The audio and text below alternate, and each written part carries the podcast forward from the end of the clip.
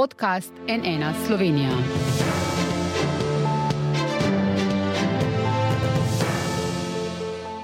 Dobr dan, to je NN studio. Danes mineva natanko leto dni od najhujše industrijske nesreče v zgodovini Slovenije, ko je v središču Kočevja odjeknila silovita eksplozija v kemični tovarni Melamin. Umrlo je sedem ljudi, po grobih ocenah je nastalo za 37 milijonov evrov škode. Zaradi sumov kaznjivih dejanj ogrožanja varnosti pri delu in povzročitve splošne nevarnosti je policija zopr štiri fizične in eno pravno osebo uložilo kazensko ovadbo. Med ovadenimi je tudi direktor podjetja. Kaj vse se je zgodilo od takrat, kakšne so ugotovitve o razlogih za nesrečo, kako je ukrepala država, kako občina bo najnevarnejši del proizvodnje preseljen iz mesta ali ne. V studiu je z nami župan občine Kočevje, Vladimir Prebilič. Dobr dan, dobrodošli. Dobar dan. Prek povezave pa je z nami tudi Tanja Boltes, direktorata za okolje na Ministrstvu za okolje, podnebje in energijo. Lepo pozdravljeni. Lepo zdrav. Kakršnokoli obliko gostovanja v oddaji smo večkrat ponudili tudi direktorju Melamina Srečku Štefaniču, a se za to ni odločil, ker da ima neodložljive obveznosti. Začniva pa mi dva, gospod Župan. Spomnim se prizorov, ko smo bili pred enim letom v Kočevju, v mestu je bilo praktično izredno stanje, ljudje prestrašeni, ulice prazne, ko smo se vozili po njih, najbolj jih je skrbelo, ali se bo še kaj vnelo, ali bo še kaj počilo. To se potem k sreči ni zgodilo. Kako se vi spominjate tistega dne, takrat je k vam prišel tudi oče preminulega delavca in seveda, kaj ljudi najbolj skrbi danes? No, sama nesreča je globoko vtisnjena na naš spomin in jo bo zelo težko izbrisati, oziroma na njo pozabiti. Mislim, da je to skoraj nemogoče. Zdaj, kar se tiče tistih trenutkov in časov, ki so bili za nas prelomni, jaz bi v tem primeru najprej zahvalil gasilcem, ki so upravili izjemno delo. Pravilno ste ugotovili, če bi ne bili tako uspešni, če bi ne poznali in bili usposobljeni tako, kot so, bi se lahko zgodilo še kaj bolj tragičnega. Hvala Bogu, se to ni zgodilo in hkrati ne izkoristim to priložnost, da še enkrat izrečem najiskrenejše sožalje vsem, ki so zgubili ljudi oziroma svoje najbližje v tej nesreči. Zdaj, kar se tiče same občine Kočevje, seveda mi nekako iščemo način, kako zdaj naprej. Ni enostavno, namreč, ko se zgodi taka katastrofa, se pravzaprav podre raz, razmerje, torej zaupanje med na eni strani podjetjem in vsemi nami, ki v Kočevju živimo. Jaz sem vedno znova svetoval vodstvu podjetja. Podjetje je pač delniška družba, v kateri mi nismo udeleženi kot lokalna skupnost ali jaz osebno. Sem pa svetoval čim bolj iskreno komuniciranje, čim bolj transparentno delovanje sodelovanje in pa iskanje dialoga z ljudmi. Pa se je to zgodilo po vašem? Na začetku ne, najbolj optimalno, to moram iskreno povedati. Ampak zdaj imamo, imamo neke kanale, preko katerih sodelujemo. Ravno naslednji teden se sestanemo tudi, sam bom temu asistiral um, na, z civilnimi inicijativami, ker je predvsem teče beseda o lokaciji. Verjetno bomo o tem še kaj rekli v nadaljevanju. Ampak vendar, skratka, zdaj se počasi to premika. Uh, jaz mislim, da uh, naš najpomembnejši cilj mora biti v dveh smerih. Prvič, da ta del, torej del, ki je bil uh, kriv, če lahko tako rečem, za eksplozijo, več ne obratuje v mestu, to je epiklorska hidrinska linija, mm. ne obstaja na tej lokaciji več, kar pomeni, da je možnost nesreče neobstoječa, to je eno. In drugič, če želi to podjetje še kdaj to linijo tudi imeti, potem nujno se moramo pogovarjati izključno in samo o neki nadomesti lokaciji, ki ne bo blizu našega urbanega dela. Mhm. Zdaj, od direktorja smo dobili zgolj pisne odgovore, da so uvedli številne ukrepe, poostrili so varnostne protokole, proizvodnje z nevarnim mhm. Epiklorhidrinom, kot ste rekli, na trenutni lokaciji ne nameravajo sploh več zagnati. Do zdaj so svojcem umrlih izplačali tudi za okoli 300 tisoč evrov odškodnin. Ste vi zadovoljni z nekaj, ste že povedali, pa vendarle s potezami podjetja v tem letu od nesreče? No, jaz mislim, da transparentnosti ni nikoli dovolj. Torej, mislim, da bi se dalo še več storiti, predvsem v smislu komuniciranja, kar sem prej povedal. Namreč gre za neko mero nezaupanja, kar je naravno po taki nesreči. In tudi, ko so se izvajale nekatere rekonstrukcije na samem mestu, torej na lokaciji zdaj obstoječega podjetja, bi ne mara lahko bilo storjeno več v tem smislu, da se pojasni ljudem, ker ljudje se seveda potem bojijo, koliko vseh informacij nimajo. Strah je pa tisti, ki potem to spodbuja. Tako da tukaj smo naredili, po mojem, nek korak zdaj boljši, je bolj transparenten, kot je bil na začetku. Ampak to razumem tudi zaradi tega, ker podjetje je bilo podvrženo hkrati večjim izzivom. Eno je preživetne narave, eno je rekonstruiranje in seveda eno je bilo tudi potem obravnavanje uh, postopka, ki teče še vedno uh, na tej lokaciji, v smislu, kdo je odgovoren za to, kar se je zgodilo. Uh mhm. -huh. In gremo kar k temu, gospa Bolte. Ministrstvo za okolje je ustanovilo posebno delovno skupino, ki je pripravila poročilo o nesreči in o izpustu nevarnih snovi v okolje. Katere so tiste ključne ugotovitve tega poročila? Um, ja, najprej lepo zdrav v mojem imenu, lepo zdrav tudi v studiu. Um, res je, da je ministr imenoval to delovno skupino, v kateri so uh, pomembno, je, da povemo, da so sodelovali organi, katerih pristojnosti se vsebinsko povezujejo z nevarnimi snovmi, ne? strokovni organi, potem vodne intervencije v nesreči, da smo res dobili vse inšpekcijske službe, da smo res smo želeli dobiti vse, bom rekla, odgovore na vsa vprašanja. Mogoče sam še predhodno bi eh, rada povedala, da melamin um, z vidika okoljske zakonodaje izpolnjuje pogoje za razvrstitev med obrate večjega tveganja, seveda, ne? in mora zato skladu s tem tudi pridobiti dovoljenje, ki ga je imel v času nesreče, vendar pa dovoljenje kot samo ne more rešiti vseh problemov. Podjetje se mora kot melamin, kot vsa ostala, vse čas dopolnjevati, izobraževati, dajati pač um, temu, ki je odgovoren za okoljsk, okoljske zadeve v podjetju, um, da je več, več čas prisoten, da se vse čas, um, bom rekla, in dokumentacija se skupaj spremenja. In, Vem, tukaj se mi zdi, da podjetja morajo pač, um, se tega zavedati, kajti to je pač veliko tveganje in dovoljenje pač vsega ne more rešiti, list papirja, če lahko rečem, ne, v tem primeru. Tako da res smo to, um, to, imeno, to skupina bila imenovana, poročilo je bilo na spletni strani ministrstva tudi objavljeno, tako da imajo vsi možnost ga pogledati. Mogoče lahko še to povem, da bo poročilo 18. maja predstavljeno vsem upravljavcem tveganja v Sloveniji, trenutno jih je 60 kajti glede na um, um, to, mislim, to nesrečo v melaminu, želimo tudi vse, vse ostale upravljavce, um, bom rekla, še enkrat pozvati k nekemu razmisleku. Pa, in povedati, pač, katere so ključne stvari in ugotovitve bile z tega primera, da pač sem, seveda, lahko tudi druge naredimo boljše zadeve in smo bolj, um, bolj sigurni v zadeve, ki pač jih izvajajo. Um, mogoče glede, um, glede priporočil. Bom rekla, v poročilu ne gre za predloge priporočil, temveč za priporočila. Um, rada bi podarila, mogoče, da manjši del priporočil zadeva melamin, uh, večja priporočila pa so namenjena vsem obratom tveganja za okolje, zato tudi ta dogodek 18. maja. Um, predvsem pa je to, da podjetja, um, um, da jim priporočila, da jim pozivamo s priporočili, da v svojem podjetju preverijo, ali pri njih res delujejo v skladu z priporočili, z standardi in z zakonodajo. Tako da um, mogoče vsebinska priporočila, ne vem, jih tukaj predstavimo, uh, predvsem mogoče zelo ključne. Varnostna kultura v podjetjih, um, sprememba proizvodnih postopkov, uporaba metod za ocenevanje nesreč in tako naprej, tako da vloga zunanjih projektantov. Tukaj smo šli reči z vse ključne aspekte, bom rekla, ki so ključni pri takšnih uh, objektih. Ključno pa je, da, um, da mogoče povemo to, da melamin bo mogel skladiti, seveda, v skladu s poročilom delovne skupine, oddati vlogo za spremembo dovoljenja do 29.6. letošnjega leta, Vloga bo seveda tudi v javni razgraditvi in se bo javnost na njo lahko odzvala z komentarji, predlogi ali s čimerkoli. Tako da to mogoče lahko že povemo in to je tudi v zaključku poročila jasno napisano. Mhm. Zdaj, septembra smo na NN v rubriki Poglobljeno poskrbeli za odmevna razkritja. Naš novinar Stars Gonik se je pogovarjal z zaposlenimi in svojci umrlih da je podjetje obljubilo strožje varnostne ukrepe, kot so bili v praksi, da je na pretekališču, kjer je prišlo do eksplozije, vladal Teksas, da so na to nadrejene tudi opozarjali. Snikalist Nikola Sandič je dejal, da je za nesrečo kriv pomankljiv varnostni protokol, pa tudi ignoranca in napuh vodilnih, ki niso želeli sprejeti pozivov k dodatnim varnostnim, eh, varnostnim ukrepom.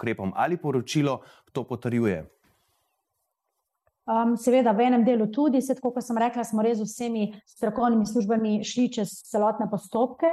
In tako kot sem povedala, da se um, podjetja, okay, govorimo danes o melaminu, ampak takih podjetij je 60, se pravi, lahko rečemo, 60 potencijalnih možnosti to vrstnih dogodkov, ne, če zelo črno pogledamo na stvar. Da se podjetja res zavedajo, no, da to ni samo enkratni dogodek v času pridobivanja okoljevarstvenega dovoljenja, da res vse, vse zadeve oddajo tako, kot morajo, da jim en upravni organ da dovoljenje, ampak do je vse čas morajo pač budno spremljati, nadzorovati, se izobraževati in tako naprej. No. In to zavedanje pač očitno, kot država nismo uspeli. Um, ne vem, kako naj rečem, um, upravljavce dovolj dobro izobraziti, tako da ravno to je namenjeno. To izobraževanje verjetno ni zadnje. No? To je seveda jasno, iz tega vam tudi bilo. Ja. Mhm. Zdaj, podjetje smo seveda povprašali, kako komentirajo to poročilo. Pisno so nam uh, odgovorili, zdaj bom citiral to, uh, da je Melamin v delovni skupini tvorno sodeloval in dajal na razpolago vse razpoložljive podatke ter informacije. Poročilo korektno povzema znana dejstva in okoliščine povezane z nesrečo ter ne ugotavlja kakršnih koli kršitev zakonodaje ali predpisov. Konec citata. Zdaj, to je morda malo zanimivo, glede na to, da je policija uložila eh, štiri, torej proti štirim fizičnim osebam in eni pravni, ki je po neuradnih informacijah seveda melamin kazansko uh, ovadbo. Uh, gospod Prebelič, kako to poročilo, te izsledke komentirate vi? Uh, jasno je, da je prišlo do zamenjave dveh snovi, ena je epiklor hidrin, druga je deta s kratico in ti dve sestavini, ko sta reagirali, prišlo do eksotermične reakcije, v zrak je izpuhtelo 440 ton nevarnih snovi. Kaj pričakujete zdaj vi po objavi tega poročila in kako ga komentirate? No, jaz bi si želel to večkrat poudariti. Jaz bi si želel, da čim prej pridemo do točke, ko bomo vedeli, kdo je odgovoren za nesrečo, ki se je zgodila. To namreč bo v marsičem razbremenilo tudi odnos melamin civilne družbe v lokalnem prostoru. Namreč dokler tega odgovora nimamo, seveda so špekulacije, so predvidevanja in če ni, če ni jasno, kaj se je pravzaprav zgodilo, vedno mislimo na vse najslabše, kar je pač normalno človeško razmišljanje in s tem nič narobe. Torej, jaz bi si res želel, da bi tisti, ki so za to poklicani, sam težko, ker ne poznamo vseh podatkov, tudi nisem kemik po stroki. Ampak to, kar ste povedali, seveda drži. Ne? Nesreča se je zgodila zaradi mešanja dveh snovi, ki se nikoli nikako ne bi smeli zmešati. Mm. Zakaj sta se in kdo je za to odgovoren? Upam, da bodo organi to čim prej sprocesirali. Jaz obžalujem, da toliko časa to traja, zato, ker vsta čas, ko to traja, nekako visi nad nami ta negotovost, kaj je bilo pravzaprav krivo. In hitreje, ko bomo to vedeli, bomo zaprli eno poglavje in morda lažje začeli sobivati in živeti skupaj, eh, kar je verjetno na koncu vseh koncev edina možna varijanta. Ja. Eh, gospa Bolte, zdaj samo podjetje, glede teh priporočil iz uh, tega poročila delovne skupine, pravi, da se še ni odzvalo, da se še bo, da pripravljajo svoj odziv. Kaj pa ukrepi, ki jih je podjetje že uvedlo do zdaj, so zadovoljivi? Um, mislim, mi nismo zdaj spremljali vse ukrepe, ki so zdaj izvedli. Vsekakor, kot sem rekla, mora pridobiti novo okoljevarstveno dovoljenje do um, konca junija letošnjega leta. In tam bo seveda kot, um, kot organ, uh, ki pač izdamo na koncu dovoljenje, bomo seveda vse te ukrepe še enkrat preverili. Ne. Rada bi sam še enkrat to opozorila, ne, da je treba res, um, tako kot smo v, v priporočilih uh, jasno opozorili, da je treba predpise izvati strokovno in so resnostjo. Ne. In pač uh, ni samo to, da zadovoljiš ti upravni organ v času pridobivanja dovoljenja, ampak tega se moraš kot upravljalec zavedati, kakšna je resnost tvojega delovanja, tvojega podjetja. No? Tako da um, to očitno je mogoče, kot sem rekla že prej, je bilo malo premalo resno vzeto. Ne samo v primeru melamina, verjetno tudi kje drugje, kjer ugotavljamo, da ko upravni organi za dovoljenje, ko dovoljenje dobijo. Se potem a, kakšne zgodbe malce pozabijo. No? Tako da, um, seveda, so inšpekcijske službe, ki jih stra, uh, resno nadzorujejo, ampak kljub vsemu mislim, da je pač to zelo pomembno, da, um, da se upravljalci zavedajo, um, te možnosti, te nesreče, mislim, vsekakor in da pač so resnostjo pristopijo k realizaciji vseh stvari. Se pa že pojavljajo, gospa Bolte, pozivi k zaustritvi zakonodaje. Tudi naši sogovorniki, ki pa niso želeli biti imenovani, so nas opozorili, da mora država spremeniti zakonodajo na področju podeljevanja teh dovoljenj, ki jih omenjate za obratovanje tovarn, ki uporabljajo nevarne surovine. Boste to naredili, je to v načrtu, če da, kakšna bo ta zaustritev? Lahko rečem, da, se, da smo se tako po nesreči, um, da smo spremenili uredbo o preprečevanju večjih nesreč in zmanjševanju njihovih posledic, da smo izvedli res analizo teh izpustov nevarnih snovi um, in vseh zadev, kar se je tam dogajalo. In um, da smo pač določene stvari v zakonodaji že spremenili, govorim v uredbi o preprečevanju večjih nesreč.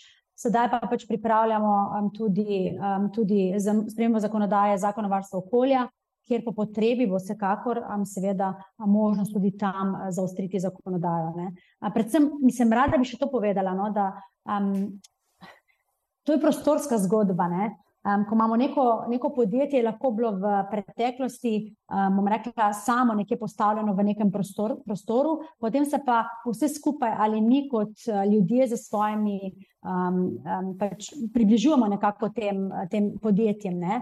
Kakršno koli pustimo, zdaj melamin ali kar drugega, ne? ker posodamo težave, da imamo težave s hrupom, z izpusti in z vsemi. Ne? In pač to je prostorsko načrtovanje posameznih občin, pa ne želim zdaj v konkretnem primeru govoriti, je pač tudi to povzročilo, da nimamo nekih industrijskih con, industrijskih, ki bi bilo stran odmaknjeno od um, to vrstnih hiš, to vrstnih objektov. Tako da tudi to je težava prostorskega načrtovanja, bom rekla, no, saj jaz, kritično gledam na te stvari, tako da to ni samo problem melamina, ampak tudi kje druge. In potem dejansko to vrstno industrijo nimaš kam umestiti, ona se ne more nikako nikamor širiti, in pač težave imamo z ljudmi, ki živijo v bližini, ker pač želijo imeti, seveda, mir, nič hrupa, nič neprijetnih ne, ne vonjav, kaj, kaj pa še, kakršno koli takšno nesreča, ki se je to zgodila. Tako da mislim, da tukaj kot država, ne vem, če imamo še kakšne možnosti, ampak skupaj z prostorsko zakonodajo, ki je seveda na drugem ministrstvu, ampak ne glede na to, bi morali narediti tukaj tudi korak naprej. Vse naše zakonodaje okoljska ne bo rešila, to je dejstvo.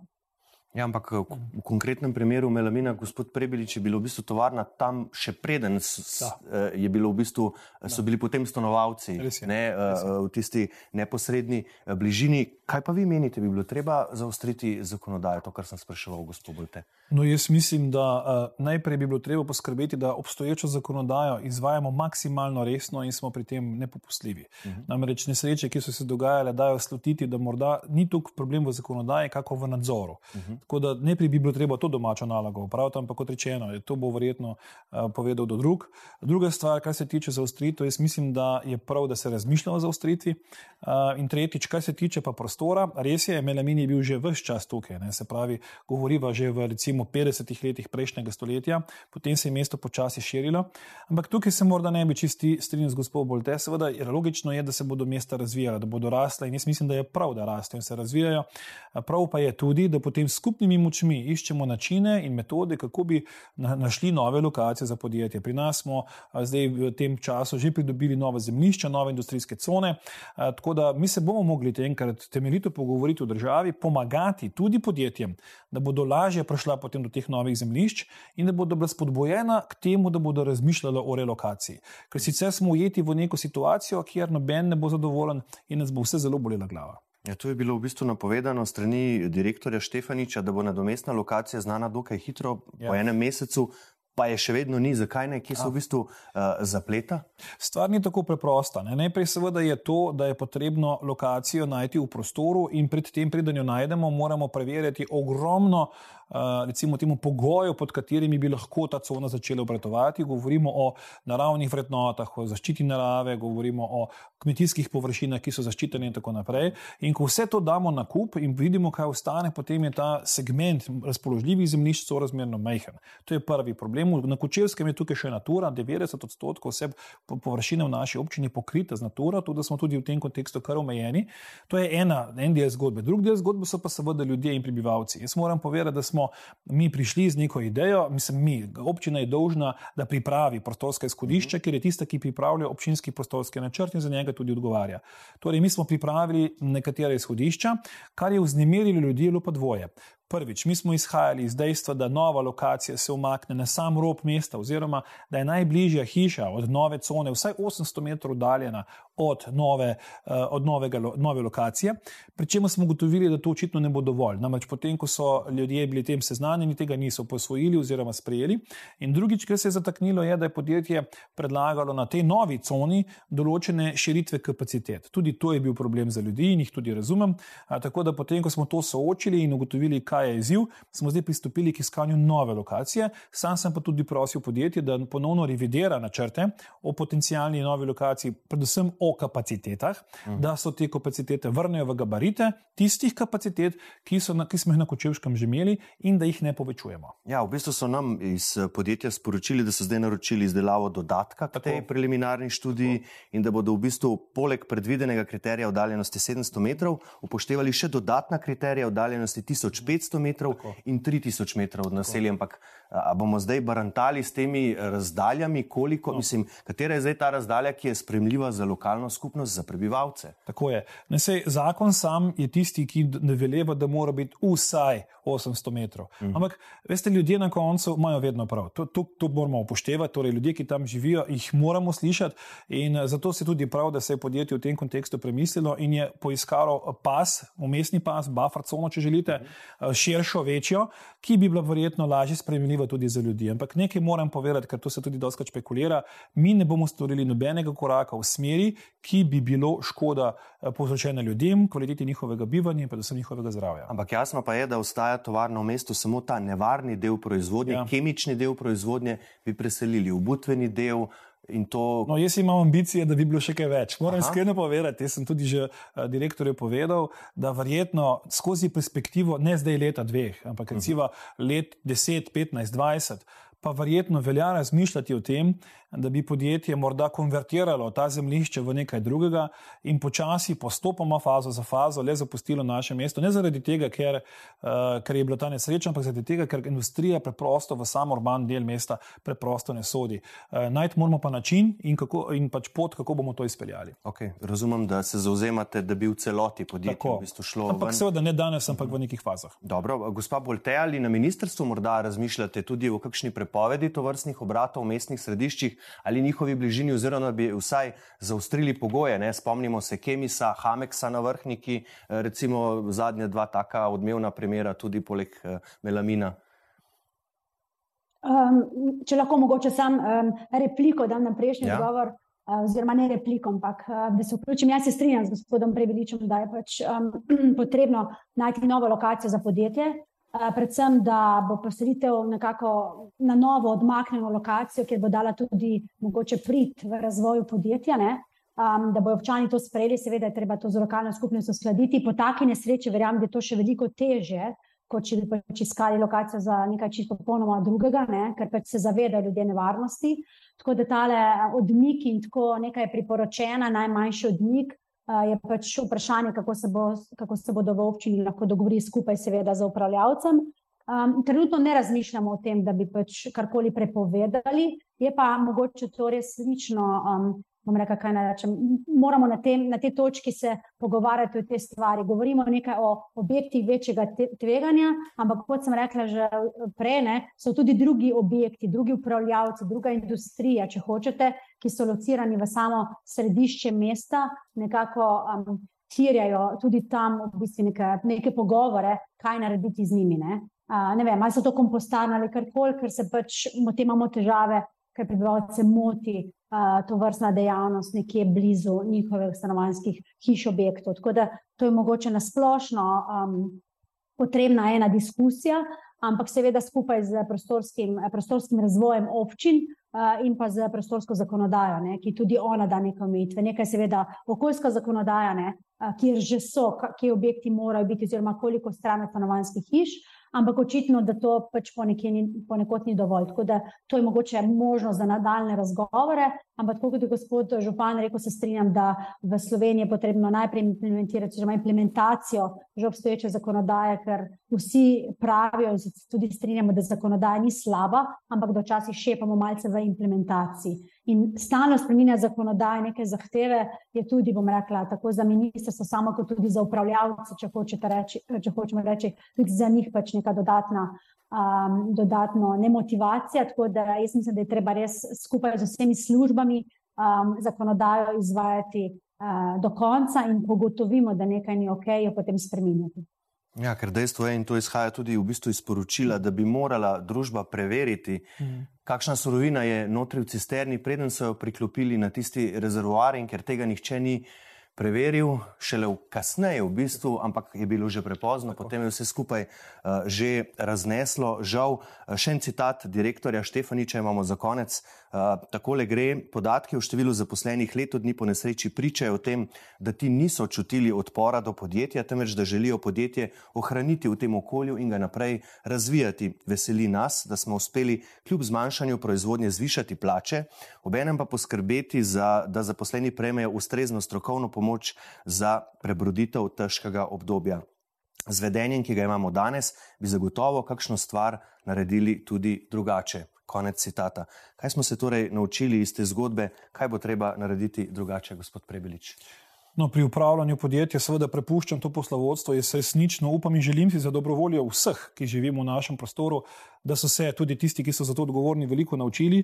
Ampak vendar ponavljam, ne, pogovarjamo se o tem, ali industrija sodi v urbanem delu mesta. Jaz mislim, da ne, da smo to že nekako prešli. Govorimo o postindustrijski dobi življenja naše družbe. In seveda tukaj moram sam pozvati to, da pri načrtovanju v prostoru rabimo tudi državo. Namreč država je tista, ki na koncu na OPN seveda daje soglasja in te se bomo morali resnično usesti dol in se pogovoriti, kako to izpeljati. Pod A, pod B. Uh, jaz mislim, da dejansko uh, je podjetje um, vzelo lekcijo, če lahko tako rečem, da se trudijo po najboljših močeh, da bi bile stvari drugačne. Težko bo še enkrat, ker se zavedamo in iz tega ne skrivam, uh, da nezaupanje še vedno obstaja in da bo treba trdo, trdo delati, zato da bomo boljše lahko sobivali. In seveda se mi zdi tudi to pomembno, da in to vedno ponavljam vsem, uh, podjetja morajo do delavcev resnično, uh, kaj če temu reči, biti čim bolj prijazna, ker na koncu vseh koncev so v rokah, njihovih rokah so pomembni instrumenti, tudi v tem primeru.